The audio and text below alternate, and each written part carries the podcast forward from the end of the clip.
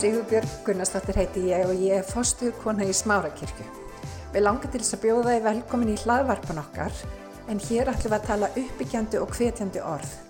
Ég vona svo sannlega að þetta blessi þig og hveti þið áfram til að gera góða hluti í lífinu. Og það er eins og ég segi, búin að vera rosalegar, rosalega fréttir þessa vikuna og maður getur nú alltaf að opna fjölmila öðruvísi en við heyrum rosalega fregnir af því sem er að gerast ekki bara á Íslandi heldur um allan heim.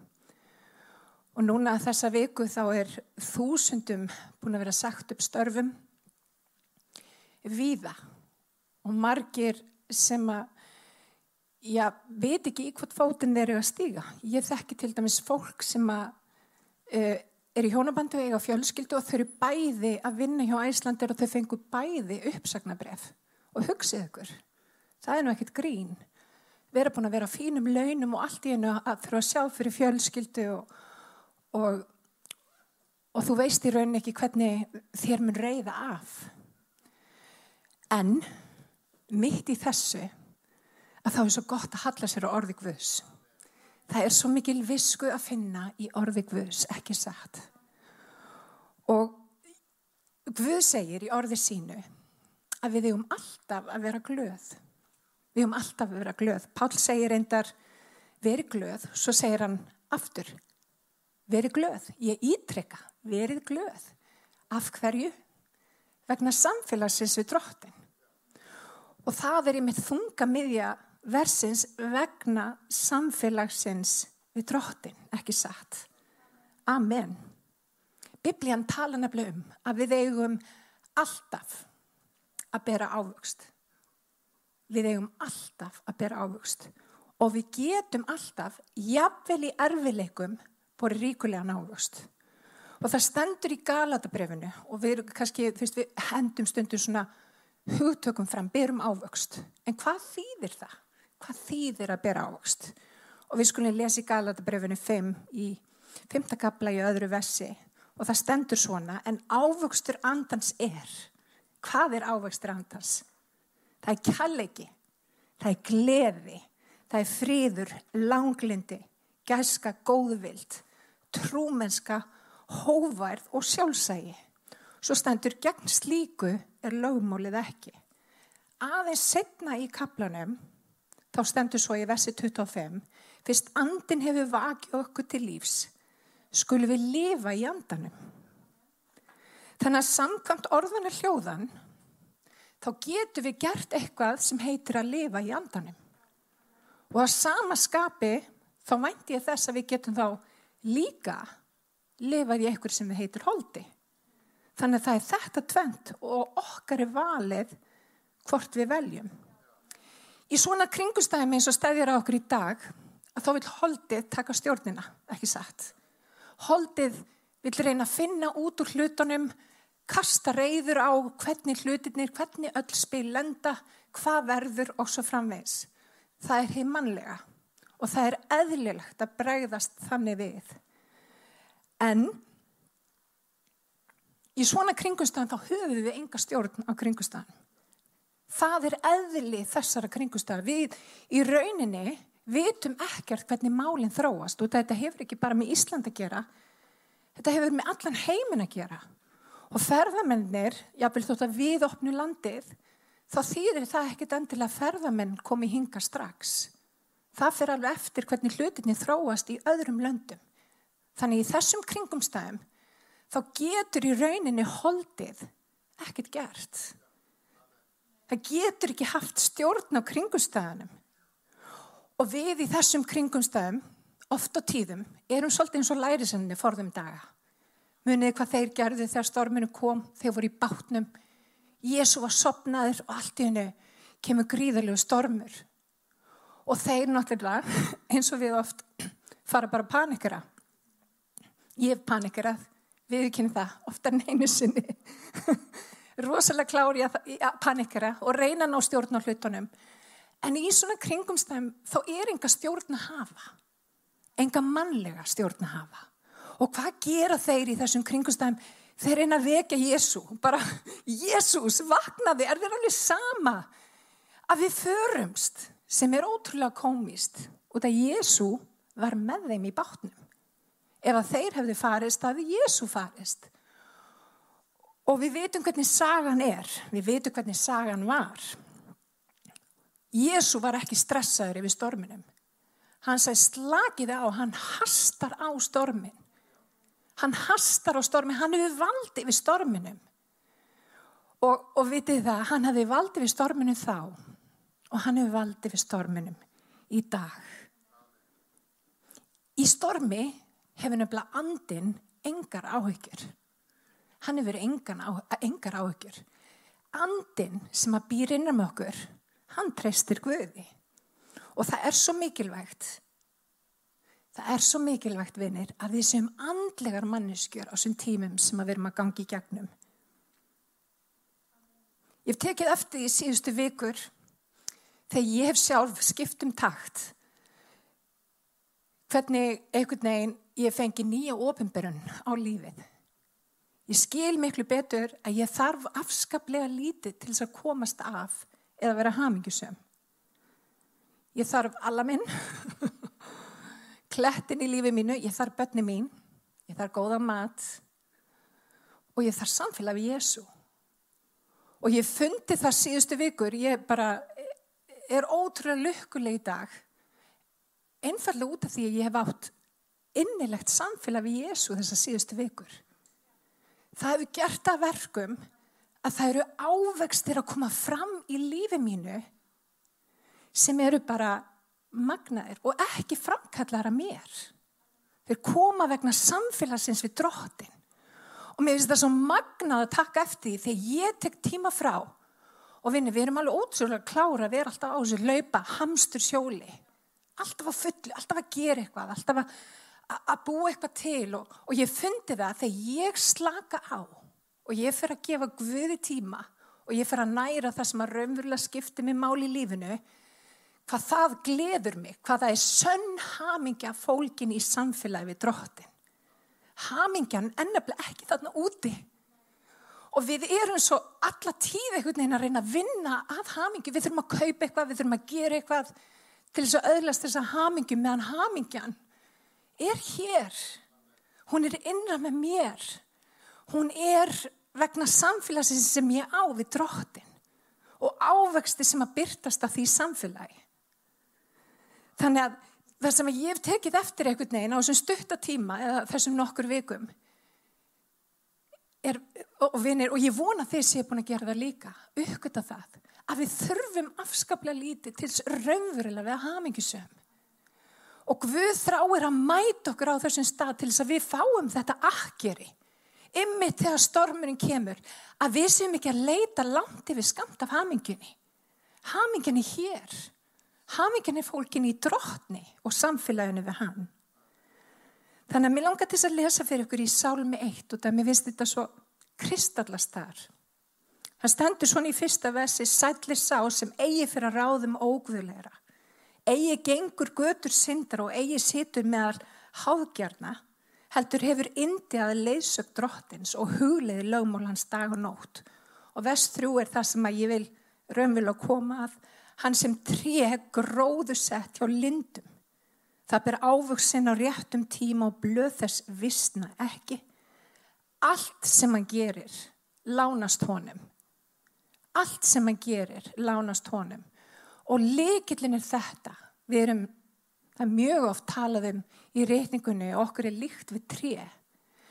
Leikillin af því að honum lánast er af því að hann tegir rætur sínar að lindinni, ekki satt. Og hver er okkar lind? Það er Jésu.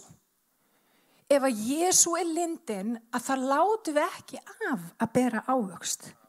Við berum ávöxt á réttum tíma og allt sem við gerum lánast okkur. Má ég heyra með henn? Tríð nefnilega þannig, við sjáum oft þessi stóru fallu trér, kannski mest í bíómyndum, það við erum ekkert með gríðala mörg tré hérna á Íslandi. En þau eru ofta alveg risa stór, geta verið gríðala falleg og við sjáum yfirborða á trjánum. En það sem að gera það verkum að tré í rauninni bera ávöxt, það eru rætunar. Og staðurindin er svo að þegar við, þegar við þurfum að velta þessu máli fyrir er notu tré sem myndlíking. Jú, tré, þau vaks á næturnar. Ef við nætur tímabil, þá vext tréð. Og nóttinn eru auðvitað mynd upp á þrengingar og erfileika og annað slíkt. Í þeim kringumstæðum, vinnir, þá fáum við tækifæri til að nálgast Guð með nýjum hætti.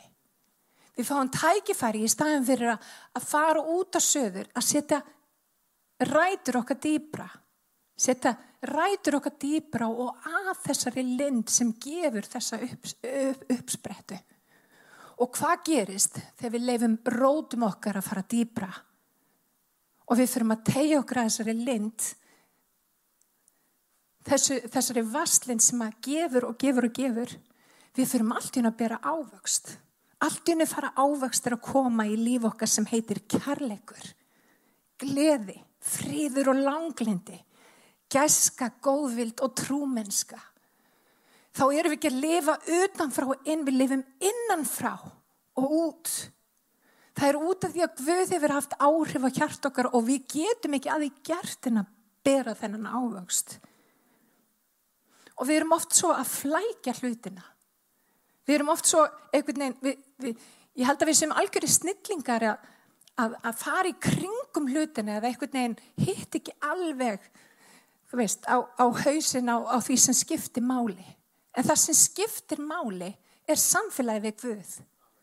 Og, og það er þannig að ef við gefum Guð í tíma á hverjum einasta degi og við lærum að þekka röddans, við heyrum röddans, við tölum við hann, við hefum samskipti við hann, þá lærum við að þekka hann með alveg dýbri hætti og við förum allt í hann að sjá Guð í öllum kringum stöðum. Þess vegna segir Páll í orðinu að við höfum að fagna í þrengingum. Ég veit ekki um mjög margar sem að fagna í þrengingum en Páll skildi hugtækið. Hann fattaði það í þrengingum þá er einmitt þetta tækifæri til þess að setja ræturna dýbra, til þess að tengja skvuð með nýjum hætti og bera enn meiri ávöxt. Vöxturinn ennabla á næturtímanum. Og Jeremia í 17. kapla þá stendur svo blessaður er svo maður sem treysti drottni. Drottin er atkvarf hans. Hann er sem tré gróður settur við vatn og tegi rætur sínar að læknum. Aftur er verið að tala um tré. Aftur er verið að tala um rætur og aftur er verið að tala um vatn. Það er svo mikilvægt að við séum ekki bara tré, heldur við höfum rætur og við tegjum okkur í vatnið. Hann er sem tré gróðursett við vatn, tegir rætu sínar að læknum. Það óttast ekki að sumarhitin kom því að lauf þess var sígrænt. Finnst þau ekki geggja þess? Það er áhyggjuleust í þurru árferði ber ávöxt án afláts. Mér finnst þetta magna ves. Þetta ves hefur hjálpað mér í gegnum erfiða tíma. Vinni það skiptir ekki máli hver ytri kringumstæðnar eru. Það sem skiptir máli er Guð, er samfélagi við Guð og að setja rætu sína niður þegar við erum að gangi gegnum erfileika á og, og fá af uppsprettunni þar sem hún er best. Ég var að lesa biblíunum um daginn og rakst á mjög áhugavert vers sem að kannski útskýra þetta aðeins betur en ég verði að gera hér í fyrra tímatursabrifi í sjöttakabla í þriðja versi það stendur svo ef einhver fyrir með villukenningar og fylgir ekki hinn um heilna með orðun drottins vos Jésu Krist og því sem trú okkar kennir þá hefur hann ofmetnast og veit ekki neitt holdið og andin hann er sóttekinn af þrætum og orðastælum. Að þessu fæðist öfund deilur lastmæli vondar hugsanir þjark og þrás, hugspildra manna sem eru snittir sannleikanum en skoða trúna sem gróða veg. En svo stendur í versi 6 sem ég vilja mitt leggja áherslu á. Já, Guðræðsla samfara næjusemi er mikill gróðra vegur. Því ekkert höfum við inn í heiminn flutt og ekki getum við heldur flutt neitt út þaðan. Ef við höfum fæð og klæði þá látu við okkur það næja. En þeir sem ríkir vilja verða, falla í freysni og lenda í snöru, allskins óveitulegra og skadlegra físna, er sökva mönnum niður í tortiming og glötun. Fjekindin er rót alls ís, íls. Við þá fíkn hafa nokkri vilst af trúni og valdi sjálfu sér mörgum harmkvælum. Og ég fór um þetta að hugsa um þetta, vá, minnst þetta svo góð vers. Þetta kristallast og hann er að tala, hann er að tala um, hann er að tala við kristi fólk. Hann er að tala um passiði, hvar, hvar hjarta þitt liggur. Og vitið það, ég hef orðið uppvisa því að, að leifa hjarta mín að liggja þar sem það á ekki að liggja. Vist, ég hef verið að eldast fyrir hluti sem ekki skipta í rauninni neinu máli þegar upp er staðið. Og ég hugsa að við getum öll sett okkur í þau spóra, hafa vilsta leið hvað þetta varðar og farið að eldast kannski við hluti, þú veist, auða við þessa heims. Og það hafa kannski tekið aðtikl okkar frá því sem raunverulega skipti máli. En ég finn að það sem að Guð er að gera núna, er að vekja okkur upp. Það sem að Guð er að gera núna er að segja, herðu, stopp nú. Nú er tækifæri til þess að endur meta stöðuna. Nú er tækifæri til þess að gera breytingar í lífunu. Nú er tækifæri til þess að treysta því að ég er með þér í bátnum. Nú er tækifæri til þess að setja ræturna niður og tegja sig að lindinni því að þar er uppsprett okkar. Þar er það sem við fáum fæðslu. Það er það sem gerir það verkum að við berum þennan góða ávakst. Ég hef heirt fólk tala um Guðræðsla samfara næjusemi er mikill gróðravegur. Ég hef sagt þetta oft. Ég hef sagt þetta meir sem þegar við erum að taka, taka samskott. En það sem ég hef lært er að Guðræðsla er ekki hræðsla.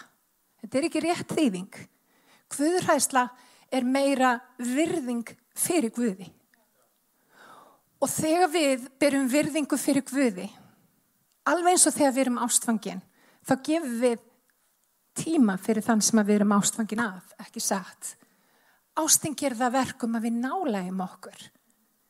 Við rifjum niður öllum hindrunum sem kann að vera á mill okkar. Og ég hef líka heyrt fólk segja, byrju, þarf Guð svona mikið á hilli okkar að halda? Þarf hann að vera dyrkur og dáður stöðulega? Nei, í sjálfsvegar ekki. Og í biblían kennir að hann er hins sami gær í dag og með alla eilífð. Lofgjörðin hefur miklu meira með okkur að segja. Þegar við gerum Guð stóran, þegar við gerum Guð stóran, þá minga kringustæður okkar. Þegar við gerum Guð stóran og við leifum honum að taka plás, að þá vexan, þá vexan í líf okkar og annað fyrir að minka og vera viðránlegt. Af hverju lofið við hann? Okkur er beinu við sjóni til hans til þess að minna okkur á hver hann er. Og við erum á þessum tímum sem við erum að lifa á, ótrúlega spennandi en jáfnframt erfiði tímar, þá er svo mikilvægt að við setjum rætur okkar niður. Að við setjum, að við tegjum okkur að lindinni, að uppspörtunni, að Jésu. Að við eigum þetta samfélag við hann og við gefum honum rými. Af hverju? Út af því að við þurfum á því að halda. Því allt það sem við veitum aðtekli, það vex. Og ég veit ekki með ykkur, en ég vil meira að lofurðum hvus og þeim uppfyldum í mínu lífi heldur en áhyggjum þessa heims. Og í dagvinnir, þá er alveg einstakt tækifæri, síðustu vikur reynda líka, það er að endur meta hlutina. Taka tíma frá. Hverju getur við bara reynlega verið án? Hvað er það í okkar lífi sem að kannski samræmist ekki þessum góðum gildum? Við vorum að lesa í fyrra tímatöðsubrefi um fólk sem hafi vilst af leið og allt húnum var gróðra fíkn. Og það er talað um fíkn. Mér stað svolítið aðdeglisvert. Það er talað um fíkn. Og það er svo margt vinnir sem að getur haldu okkur fengnum. Alls konar fíkn. Það er til matarfíkn, það er til ástarfíkn, það er til alls konar fíkn. Það er til já, fíkn í, í, í gróða, peninga, áfengisfíkn og svo framvegis. Það þarf ekkit endilega að vera að þú sért að díla við fíkn. En hvað er það sem hefur kannski verið hækja í þínu lífi eða mínu lífi? Er eitthvað sem við getum bara reynlega hægt, tekið ákverðun um að, að leifa Guði að koma inn í og lækna? Ég trúi þývinir á svona umbróta tímum þá felast gríðarlega tækifæri að endur meta hlutina. Leifa Guði að taka stjórnina. Og þegar Guður ísi okkar lífum og segir, hörðu, hafðu, hafðu þið hægan stormur þá tristu við orðum hans og í staðin fyrir að panikir og fara út um allt og hafa áhyggjur því að hvað gera áhyggjur? Ekki neitt. Áhyggjur ræna bara frá okkur gleði dagsins í dag. Áhyggjur á morgundeginum ræna gleði dagsins í dag. Í staðin fyrir að hafa áhyggjur setjum aug okkar setjum sjón okkar á drottin Jésu og treystum því að hann muni vel fyrir sjá. Vinir, ég trúi því að þetta ár verði ár, verði stórkoslegt ár. Verði ár mikillega breytinga. Það eru fæðingarhríðir í gangi, í gangi og við vitum alltaf að fæðingarhríðar eru aldrei þægilegar en það gerist eitthvað í kjölfarfæðingar hérna sem er alveg dásamlegt og það kemur ekkert í staðin fyrir það. Það er nýtt líf og megið þessi tími færa þér nýtt líf. Mér langar að lókum að byggja með þér bæn. Ef þú ert að hlusta á mig og þú ert kannski að horfa í fyrsta skiptið og þekkir ekki Jésu, veist ekki einu sinni hvernig á að nálgast hann, það langar mér að segja við þig að Jésu er bara einni bæn í burtu. Það þarf ekki að setja sér neina stellingar til þess að tala við drottin. Hann er bara einni bæn í burtu. Og mér langar til þess að byggja bæn sem er grundvölduð á reyningunni en þar segir ef þú játar með vöru þínum og trúir í hjartanu að Jésús er drottin og hann hefur verið uppvakinn frá döðum þá myndu hólpin verða. Eina sem þú þart að gera er að trúa og játa.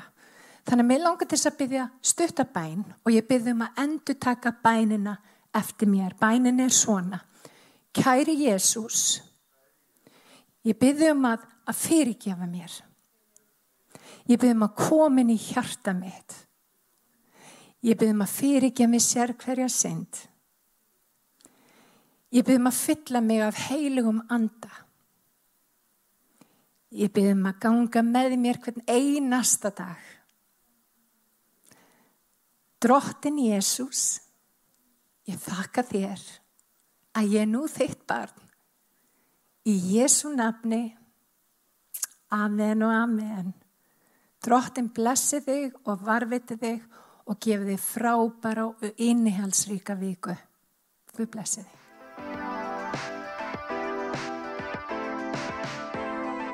Ég hveti til þess að stilla inn á okkur með reglum hætti því að hér verður alltaf eitthvað nýtt á nálinni. Takk fyrir að hlusta.